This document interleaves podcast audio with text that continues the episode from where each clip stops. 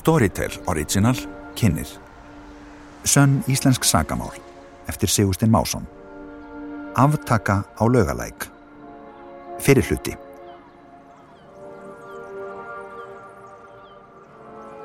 Laugalækur myndar mjúka sveiju frá kirkjusandi í norðvestri og að stæstu sundlögu Reykjavíkur, Laugardalslaugin í söðri. Þetta er dæmigerð reykvísk gata frá sjötta og sjönda áratögnum. Húsin marglitt og kassalaga, mörg með lít hallandi eða flötum þökum. Kirkjusandsmegin líður kaffiilmurinn út úr kaffi laugalæk. Nokkrum skrefum lengra er að finna frú laugu og lífurænum matverurnar og ísbúðinn hefur í áratýji verið talið með þeim bestu í bænum. Þegar gengið er lengra inn götuna, þverar útsýnið minnst notaða áhorvendastúka landsins, svo sem aldrei mun hafa verið full, og gufan stígur þar upp úr lauginni glæsilegu og vinsælu og varpar dálitilli dölúð á hverfið, ekki síst á köldum vetranóttum. Þegar nálgast er sundlugarvegu norð-vestri blasir við myndarlegt kvítt fjölbílishús með dökkum flötum á vinstri hönd á hornir laugarlæks og böðulæks. Í húsinu eru fimm íbúðir. Á gömlum myndum má sjá nokkuð stóran grasblett sunnan við húsið tegja sig í átt að lauginni. Það er nú leikskóli um lukin trjágróðri. Þann 18. janúar 1968 var friðsælt og öryggiskend íbúana skindilega rofinn þegar gatan þeirra varði vettvangur einn stölarfylsta glæps Íslandsögunar.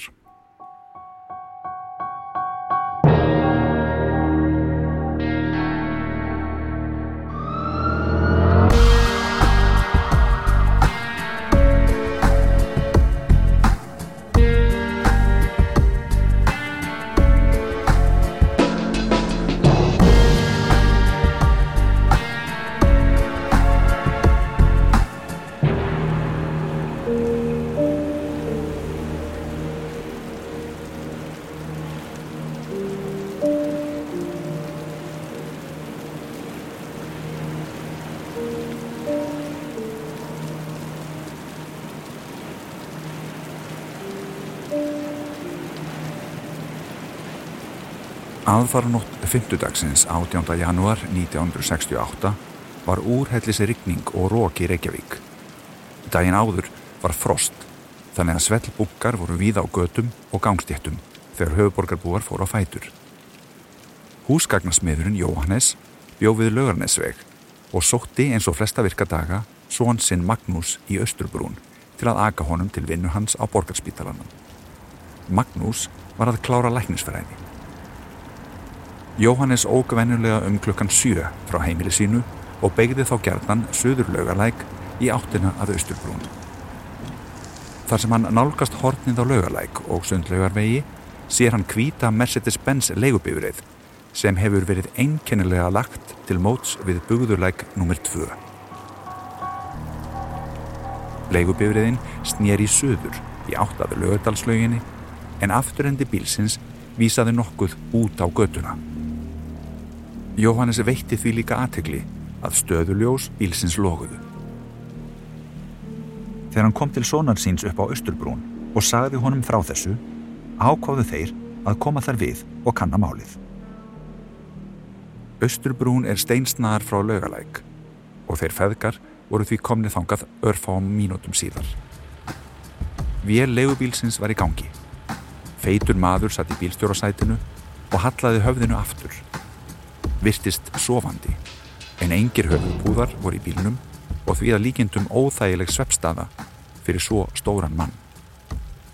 Magnús bankaði fyrst á bílrúðuna en þegar hann fekk engin viðbröð gekk hann hægra megin við bílinn og opnaði hurðina farþega megin og fór þar inn í bílinn. Hann þreyfaði eftir púlsi en fann engan og tók þá einnig eftir því að blóð rann úr munni mannsins Magnúsi var ljóst að maðurinn væri látin og að hann hefði ekki orðið bráðkvæmdur. Hann fann einnig að líkið væri kallt og taldi því að maðurinn hefði verið látin þarna dágóð á stund. Feðgarnir ákváðu að Jóhannes færi heim til sín á laugarnesveg að ringja í laurugluna á meðan Magnús erði eftir á vettvangi. Fór ég nú svona aðeins að kíkja betur og fór inn í bíluna aftæðverði sem ég hefði kannski ekki átt að gera og með það sem kom í ljós síðar og þá sá ég gati í nakkanum á honum og þar hafði blætt úr þannig að, að það var eiginlega ekki um marst að ræða heldur annað að það hefði skotin í nakkan. Um klukkan halv átta þennan 50. morgun í janúar 1968 hófst ein umfangsmesta morðaransókn í sögu Íslands. Í máli sem átti eftir að marka djúb spór í réttarsögunni um áratuga skeið.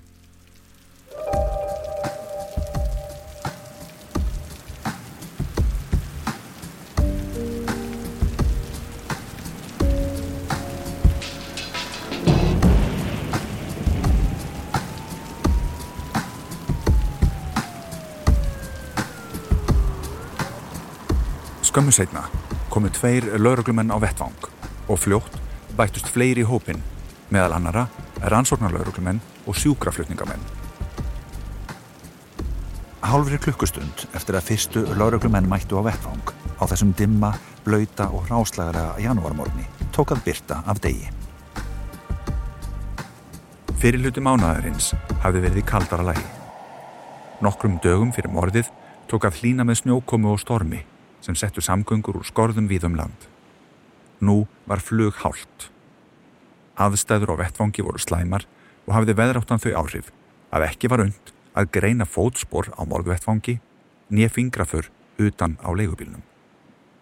Það var engum blöðum um það fletta að hér hafði kaldrifjað morð verið framið af fullum ásetningi. Engu líkara en skipulögð aftaka.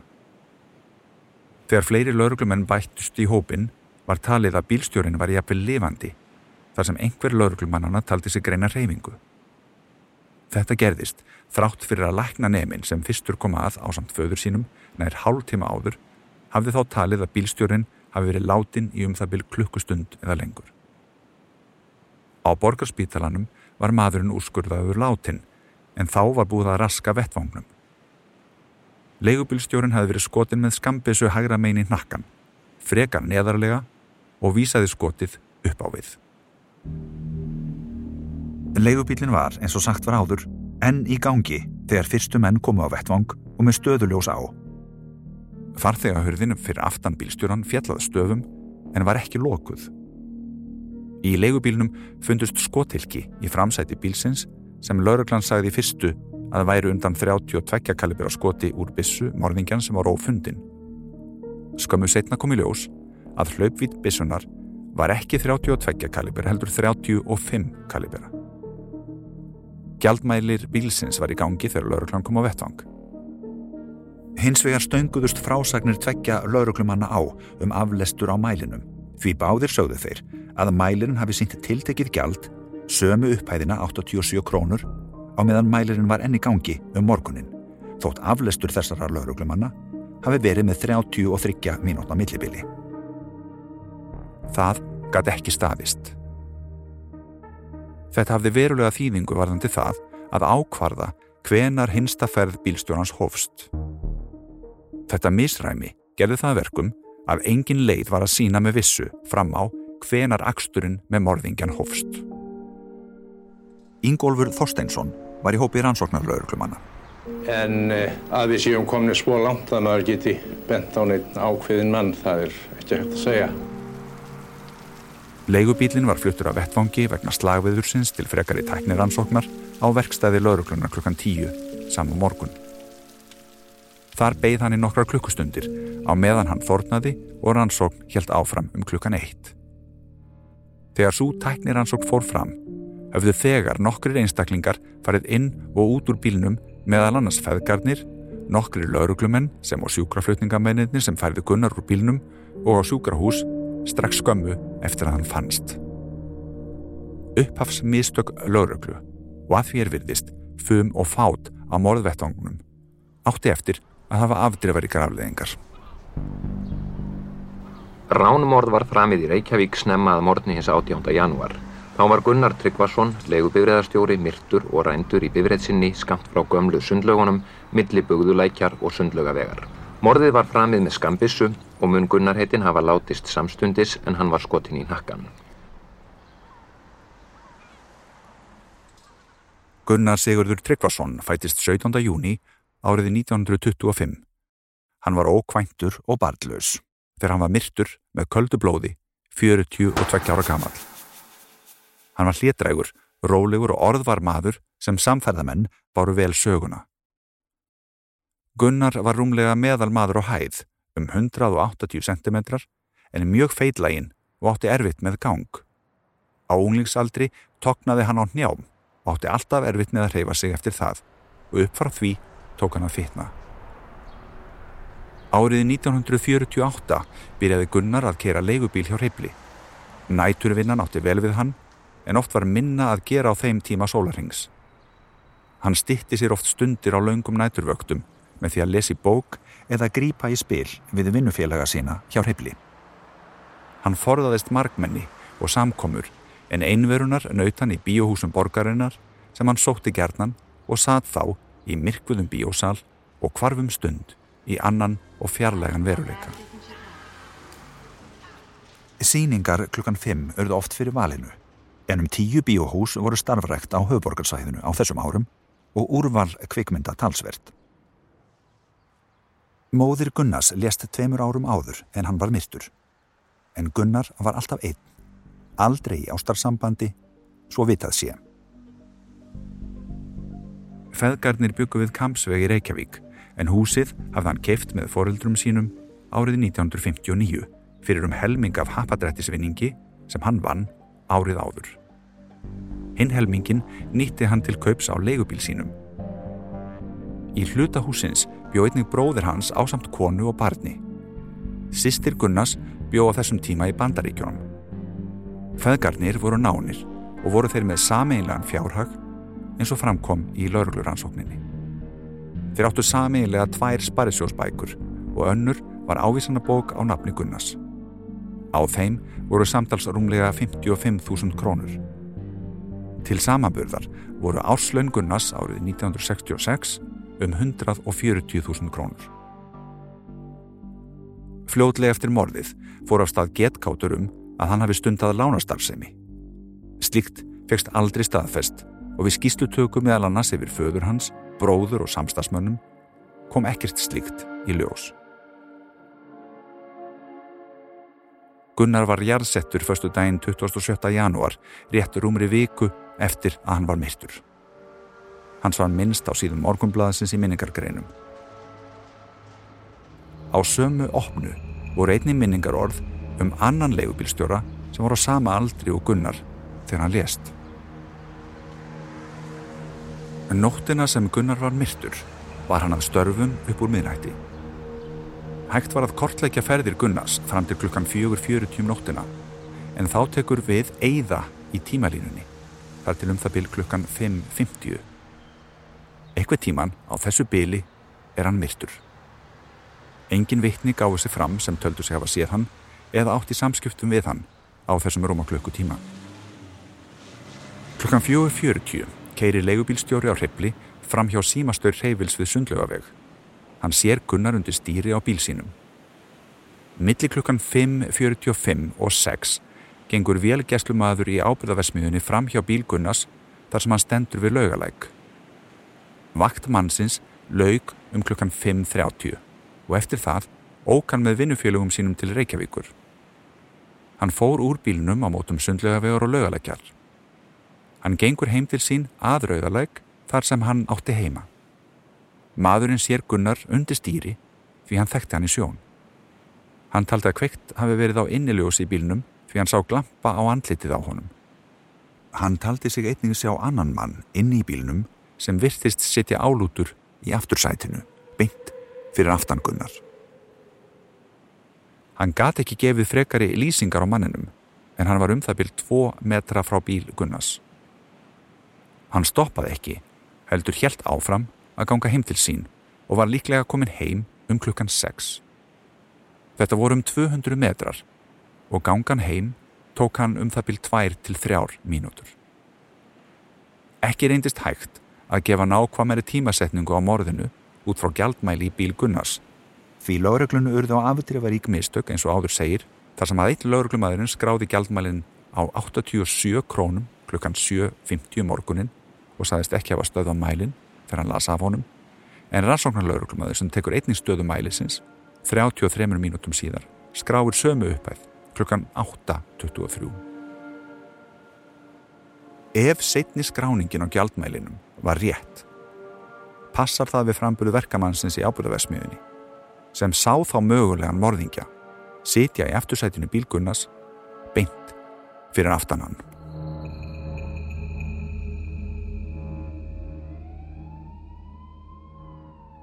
Árið 1968 byrjaði sannarlega með látum. Lögreglan í Reykjavík hafði mörg stór verkefni að leysa strax í janúarmánuði fyrir utan morðið á Gunnari leigubilstjóra. Tveimur dögum fyrir morðið kaldrifjaða, þriðju daginn 16. janúar, er líst eftir þremur karlmönum í dagblöðum og útvarpi en til þeirra hafði ekki spurst í nokkur tíma. Tveir þeirra vorum þrítugt, annar stýrimaður og hinn livjafræðingur og sá þriðji var rúmlega fertugur leigubilstjóri. Þegar líst var eftir þeim í útvarpi og blöðum hafði þegar farið fram viðtæk leit að þeim í þrjá daga og helt svo leit áfram dagan á eftir. Björgunar og hjálparsveitir tóku þátt í leitinni sem fór fram víða á höfuborgarsvæðinu auk þyrlu sem flög yfir sjáarsíðu borgarinnar. Leitin var ánunguslaus og lögreglan hafði engar vísbendingar til að vinna út frá. Áherslan var nú öll á að reyna að finna morðingja Gunnars. Þryggja manna saknað er heiti fyrstu fréttarinnar um kvarf mannana sem byrtist á síðu 2 í morgunblæðinu þriðudaginn 16. janúar. Lýst var eftir 26 ára stýrimanni sem sást síðast fara frá heimili sínu mánudaginn 8. janúar en hafði verið til skamstíma til heimilis í hlýðunum hjá foreldrum sínum. Hann fór í burt af heimilinu um kvöldmatarleitið á mánudeginum og ekkert hafði til hans bust eftir það. Þessi maður var tæplega meðalmaður og hæð, grannur með dögt hár, klætur dökkum jakkafötum í dökgrannum vetrarfrakka, í brúnum skóm með gráan öllartrefil og berhöfðaður. Fyrir jólinn hafði hann starfað í vélsmiðju á Hellisandi en enginn séð hann þar eftir þann tíma. Hann var fráskilinn og átti tvö börn. Þá var líst eftir 31 ás lífjafræðingi sem starfaði við Háskóla Íslands. Hann fór af heimili sínu í árbænum klukkan 8.30 föstudagsmorgunin 12. janúar, fjórum dögum áður en stýrimaðurinn kvarf. Síðast sást til hans í Háskóla Íslands um klukkan tíu þennan morgun. Hann var hár og grannur með ljósröytt alskegg, íklætur dökkum jakkafötum og í dökkgráum frakka. Kvæntur og átti einnig tvö börn. Þriði maðurinn sem leitað var að á sama tíma var færtugur leigubílstjóri til heimilis í Hafnarfyrði.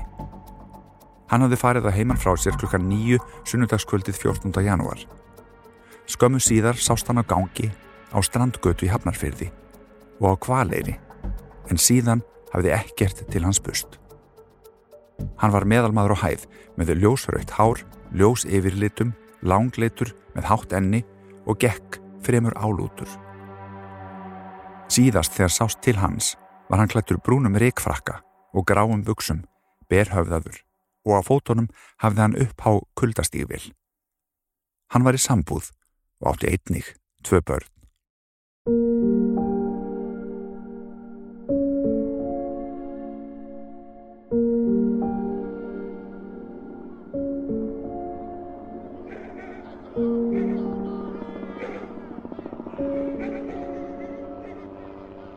Víðtæk leit var gerðað mönnunum þremur þessa daga eins og áður segir sem leitarflokkar Slísavarnafélags Íslands og hjálpar svita skáta auk þyrlu áhafnar tóku þátt í.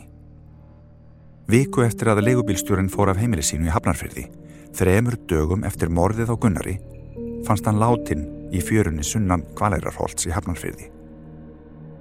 Greint var frá líkfundinum í blöðunum mánudaginn 22. januar.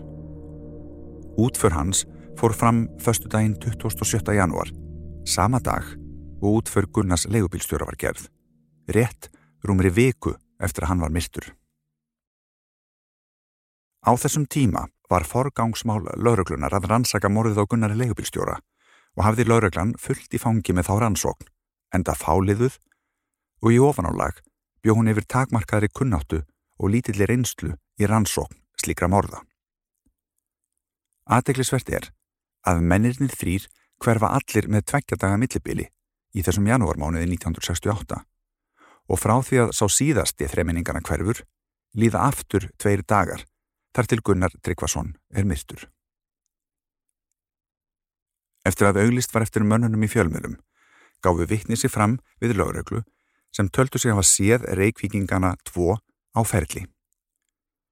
Sömuleiðis sögust vittni hafa séð livjafræðingin förstu daginn sem hann kvarf, 12. januar, á tali við mann í banka í miðbænum. Talið var víst að hann hefði verið farin af háskólasvæðinu eftir klukkan eitt eftir hátið þann sama dag.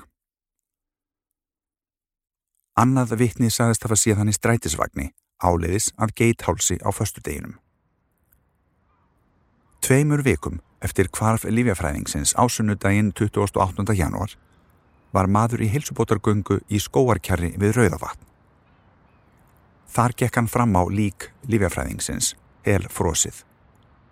Í frétt dagbladana daginn eftir segir um líkvöndin að það hefði verið auðséð og líka með hens látna að hann hafði leið þarna nokkur tíma.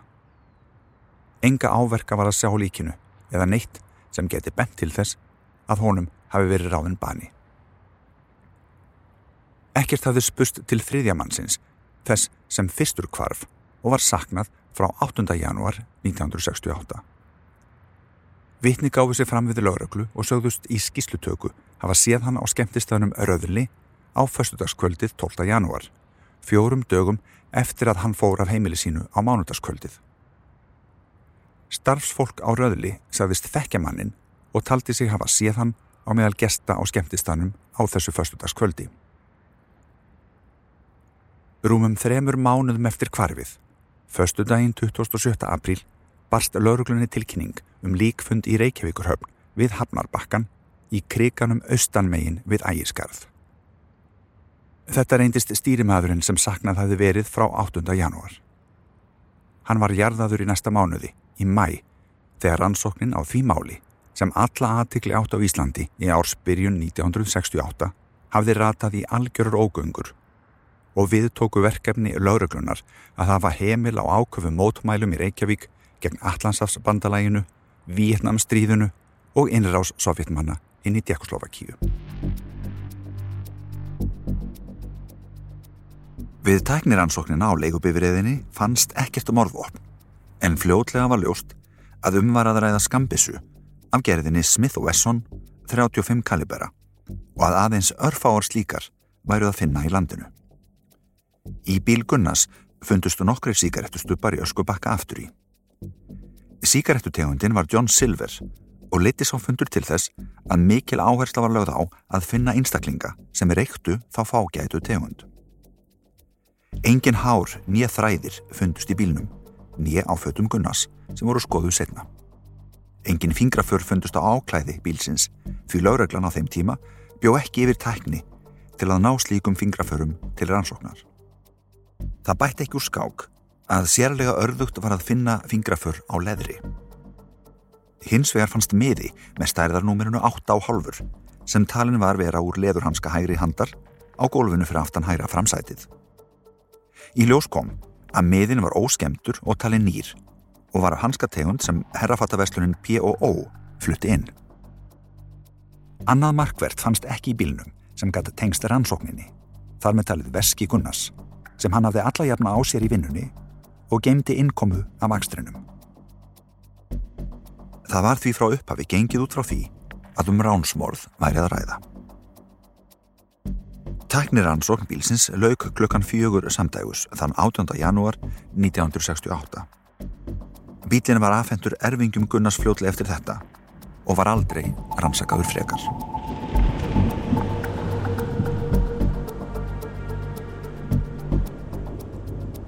Það hafði mikla þýningu fyrir rannsóknina að ljóst var að morðvopni væri Smith og Wesson skambissa, 35 kalibera, því aðeins hafði verið gefið leifi fyrir örfáum slíkum skambissum á Íslandi.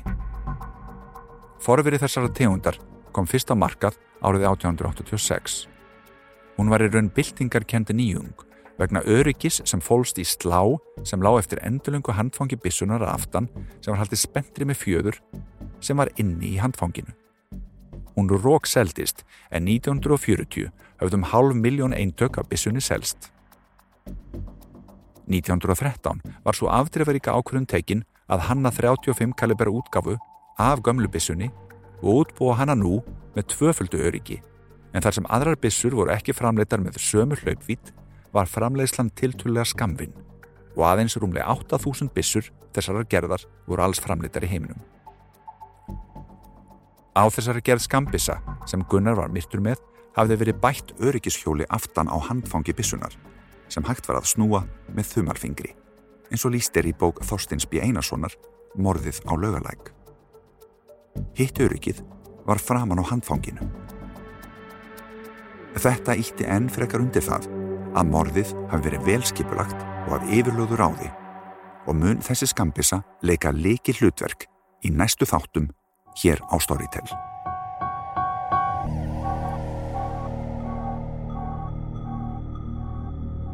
Laureglann taldi sig að hafa komist í feitt með því að finna síkarettustubb í öskubakka aftursætisins í leigubifrið Gunnars sem var af gerðinni John Silver.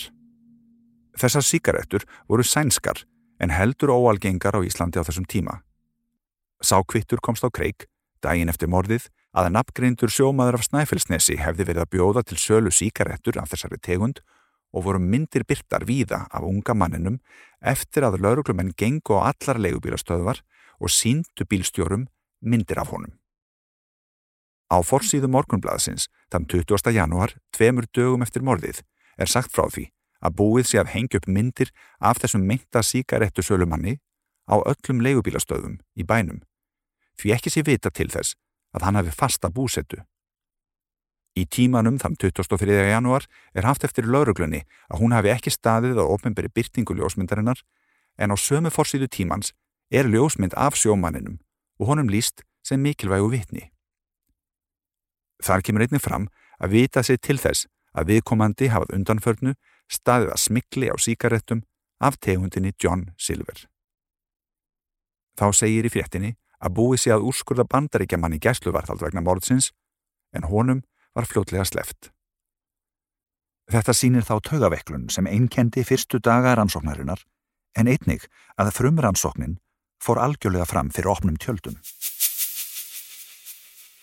Unga sjómanunum í stikkishólmi brá mjög í brún þegar hann uppgötaði að hann væri ópinnberlega bendlaður við morðmál. Í ljós kom að hann hafði öruga fjárvistasönnun. Margir gáttu vitnað um það að hann hafði verið í stikkishólmi þegar Gunnar var myrtur. Og ekki aðeins það, heldur þver tók hann með öllu fyrir það að hann reykti, hvað þá að hann hefði nokkur sinni selt John Silver síkaretur. Í þrjá daga hafði þjóðin staðið á öndinni við leitinni að síkaretusölumanninum. Myndir af honum byrtar og leigubílstjórar verið á sérstöku varðbergi en allt reyndist það úr lausulofti gripið. Þann 22. januar gaf sænskur maður sig fram sem saðist hafa setið sem farþegi í aftursæti leigubifinniðar Gunnars Tryggvasonar á mánudeginum þremur dögum fyrir morðið og reykt síkarettu af þessari tegund og lísti lauruglan því þá yfir að mögulegt væri að síkarettustöpurinn hefði verið í öskubakkanum frá þeim tíma. Von lauruglunar og landsmanna allra um að þið óhugnanlega og dölarfulla morð myndi leysast á fyrstu dögum rannsóknarinnar fauk út í veður og vind. Drungi og óhugur kvíldi yfir höfuborginni og menn óttuðust að leigubílstjóra morðingin leti aftur til skararskriða.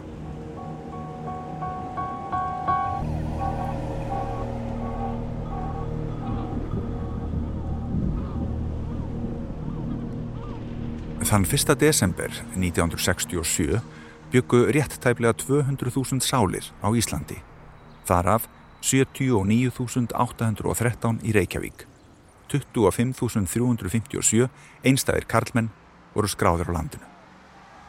1968 var sannkallað átaka ár í íslenskri sögu, rétt eins og í heimsögunni allri. Ár mikill að mótmæla gegn strísrekstri og hernaðarbandalögum og átaka á vinnumarkaði. Óanægi fóru vaksandi með viðrestanstjórn alþjóðuflokks og sjálfstæðisflokks.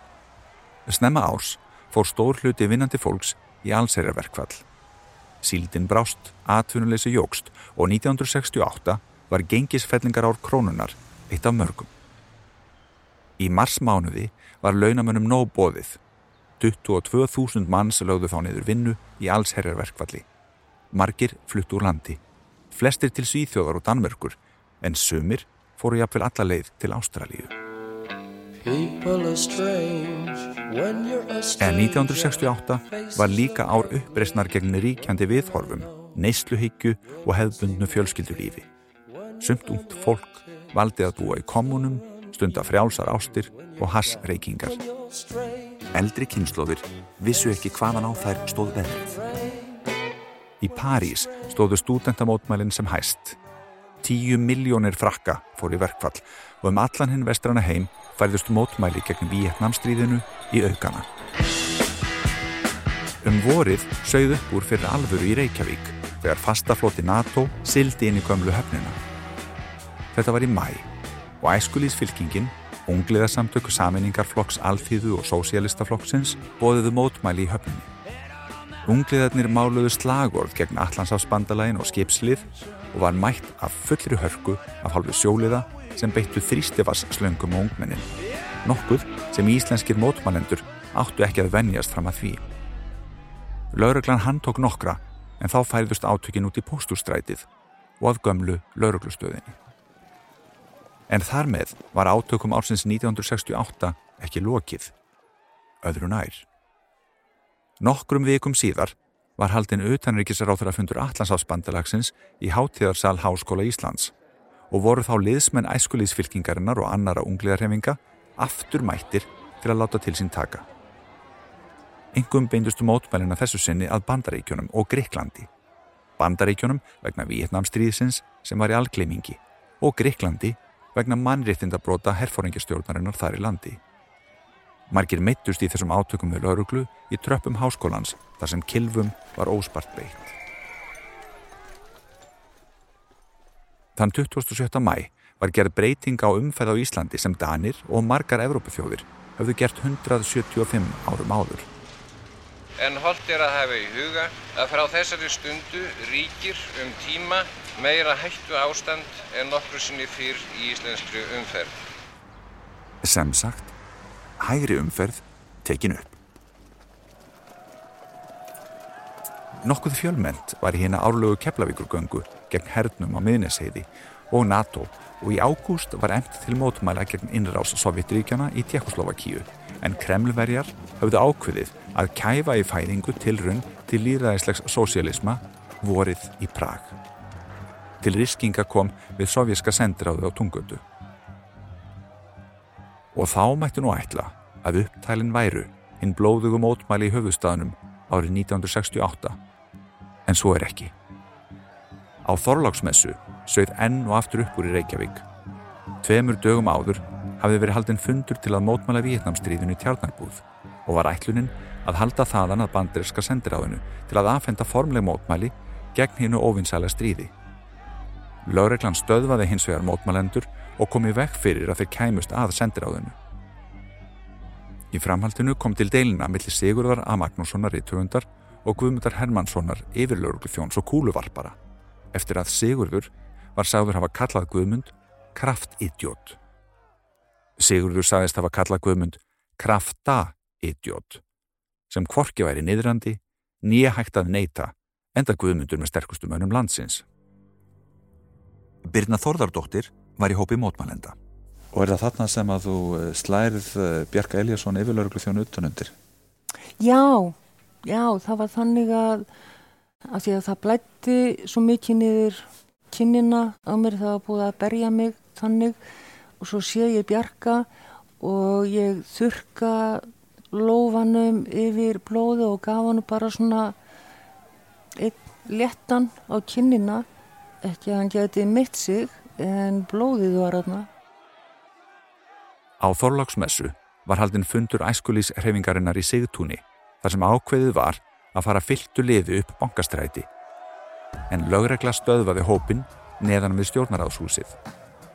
Kom þá enn á ný til harðra átaka á lækjartorki sem kölluð hafa verið Þorláksmessu slagurinn. Þau byrjuðu þannig að allt tildækt lauruglulið hafði komið sér fyrir á mótum lækjargötu og bankastrætis til að koma í veg fyrir að mótumalendur örkuðu upp aðal vestlunagötu Reykjavíkur daginn fyrir jól. Lauruglumennir hafðu krækt saman handleikjum sem gerðu það verkum að þeir mynduðu vegg en gáttu ekki notað hendurnar á sama tíma til að íta fólki frá og niður á lækjargötuna. Einn af lauruglumannana sem myndaði varnarlínuna við bankastrætið segir svo frá í nýri sögu sem kom út árið 2001. Ekki var reynsla allara lauruglumanna þó á þannan neikvæða veg því ungur lauruglumadur sem stóð fastur í röðinni varð fyrir því að stúlka sem var í hópnum fyrir framann hann tók millir fóta honum og hann leik karlmennsku hans góða stund án þess að hann kemi vörnum við. Ekki mann í dag hvað þessi átök stóðu lengi en að lokum listist hópurinn upp og ró komst á. Birna Þorðardóttir baráttukon og leðsugumadur. Vast þetta þú? Ég? Nei, það var lungu búið að taka mig úr umferð. Ég komst aldrei upp að bankastrætti. Ég var tekinn bara þegar að uh, við vorum komin inn í össustrætti. Þá var ég tekinn. En þetta hefur svo sem geta verið þín aðferð. Nei.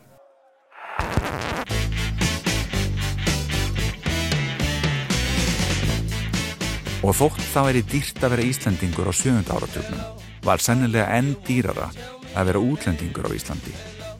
Svo segir í pistli í vikunni frá árunni 1966. Kona sem hefur af því atfinnu að hýsa útlendatúrista fyrir hótel hér í borginni saði mér það á dögunum að eiginlega kvörtuðu þeir síst yfir veðufarinu og vegunum. Verðlægið á Íslandi var hins vegar almennt undrunar og umkvörtunarefni. Þeim blöskrar verðlægið á annars flokks veitingastöðum úti á landi en þá fyrst tekur steinin úr þegar þeir taka leigubíla. Þá finnst þeim að eigi að rýja sig inn að skirtunni, saði konan.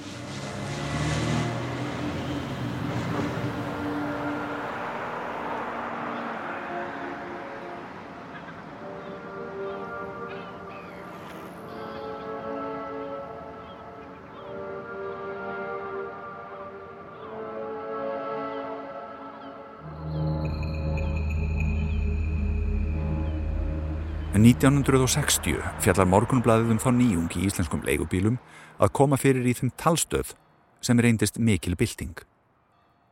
Hátalarinn var fram í bílnum og mikrofótnin á stýrinu.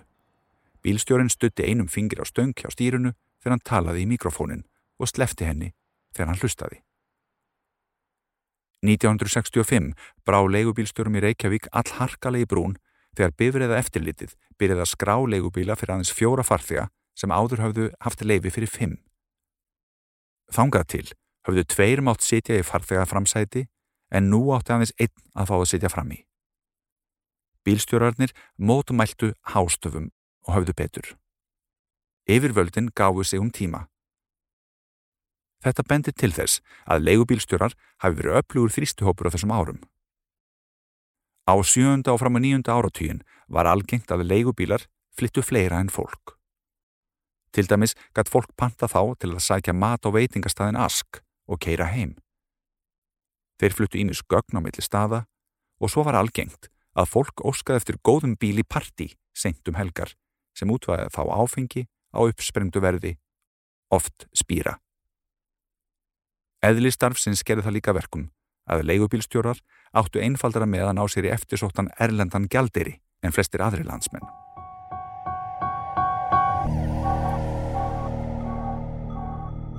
Lauraglann taldi í fyrstu að skotilki sem fundust í bílgunnas hafi verið af stærðinni 32 kalibera eins og áður hefur komið fram en fljótlega komið ljós að stærðin var 35 kalibera eins og stóð reyndar á skotilkinu sjálfu. Við krypningu á Gunnari 20. januar var alveg ljóst að bissukúlan var af stærðinni 35 kalibera og það auðveldaði rannsóknina því bissur af slíkri gerð og tegund, Smith og Wesson, voru mjög sjálfgjafar. Í lok januar hafði lauruglu þjóttn á Sæltjarnarnesi samband við rannsóknar laurugluna og greindi frá því að hann hefði vitnesku um að Bissa hafi horfið af heimili Jóhannessar á borg árið 1965. Bissan sem kvarf af heimili Jóhannessar var af gerðinni Smith Wesson og var gerð fyrir 35 kalibera skot, framleitt árið 1913. Gunnari áskotnaðist Bissan, sem var önnur tveggja sem hann átti, á ferðalögum sínum um heiminn, enda þekktur maður víðum veröld, snem á 20. öld, fyrir glímuleist sína.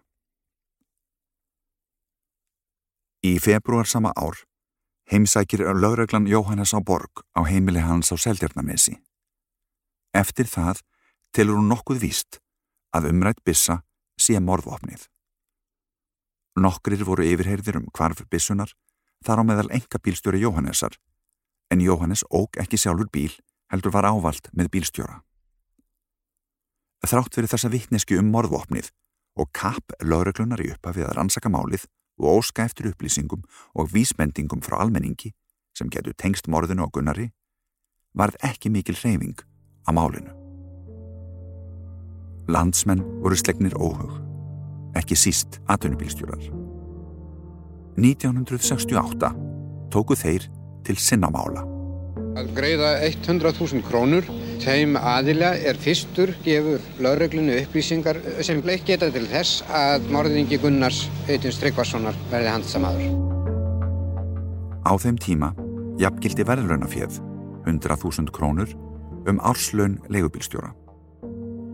Á svipuðum tíma skoruðu þeir á laurugluna í Reykjavík að óska eftir aðstóð frá sérfræðingum í útlöndum til að vinna að rannsókn málsins.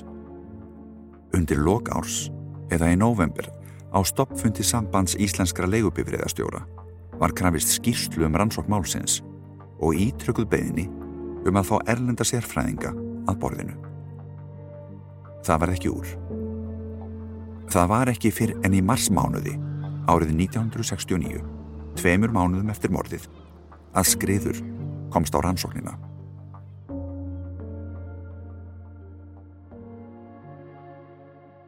Í rúmt ár gerðist í raun ekkert sem varpað gatt frekara ljósi á atbyrðarásina nóttina örlægaríku 18. janúar 1968.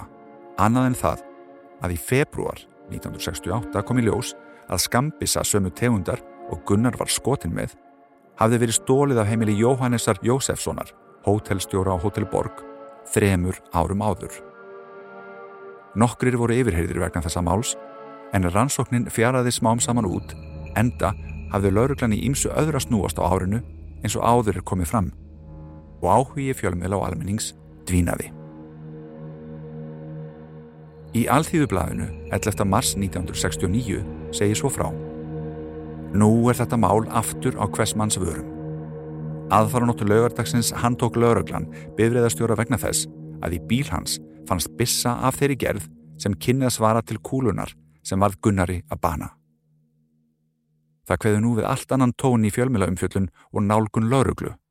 Enda er fyrirsögnu fréttarinnar morðmálið ný viðhorf.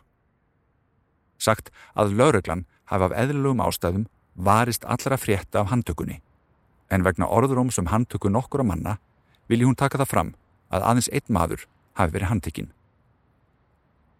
En málið er afar viðkvæmt, segir svo í fréttinni, og það verða lesendur bladana að hafa hugfast. Sá handtekni hefur ekki játað og enn hefur ekkert það komið fram í málinu að sekt hans sé sönnuð. Og bladið gengur enn lengra í að sefa lesendur sína Ef viðkomandi reynist saklaus af ákæru hefur hann og fjölskylda hans orðið að bera þungan kross. Þegar þarna er komið sögu hefur engin ákjara á hendur hennum grunaða verið byrt honum en sennilega gengið út frá því að svo verði í ljósi kringumstæðina en bladið bætir því við að það skuli tekið fram að maður sá sem er til yfirheyslu hafi aldrei komist í kastiðu laurugluna og sé vel látin af þeim sem til hans þekkja.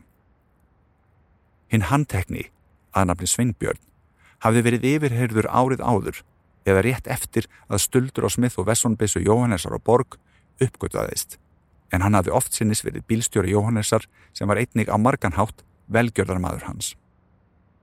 Sveinbjörn neytaði þá allir í vittneskjum bissuna. Nú hafði hún fundist í leigubifrið sem hann hafði haft umráð yfir á tímabilinu en var skráð á annan eiganda. Sá hafði stöðvarleifi á leigubílastöðinni bæjarleifum, en óg ekki leigubíl sjálfur. Bílinn var af gerðinni Chevrolet Chevy, árgerð 1965. Uppkom ágreiningur vegna ástandsbílsins og vann greitrar tryggingar og var hinnum grunaða gert að skila bílnum til eigandans. Sveinbjörn kom heim til eigandans og lagði liklana á eldursporðið. Egin kona eigandans lagði þá hald á liklana. Þegar verið var að taka til í bílnum síðar þennan dag fannst skambisa Jóhannesar á borg í hanskahólfinu vafinn inn í snjáðan brevpoka. Mjög líklegt að hér væri morðvopnið loks komið fram enda aðeins fjögur leifi fyrir bissum þessar tegundar veitt fram að því á Íslandi.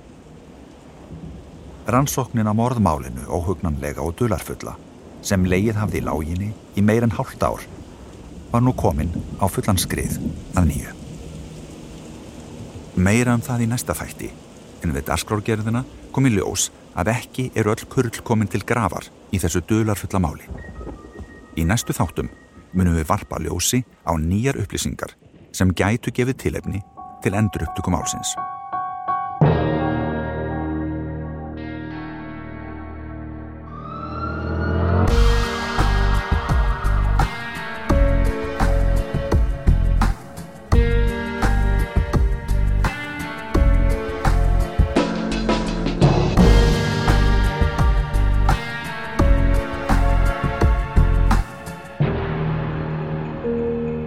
Varst að hlusta á sönn íslensk sagamál eftir Sigurstein Másson. Aftaka á laugalæk. Fyrir hluti. Þátturinn var framleitur af Storyside árið 2019. Höfundaréttur Sigurstein Másson 2019.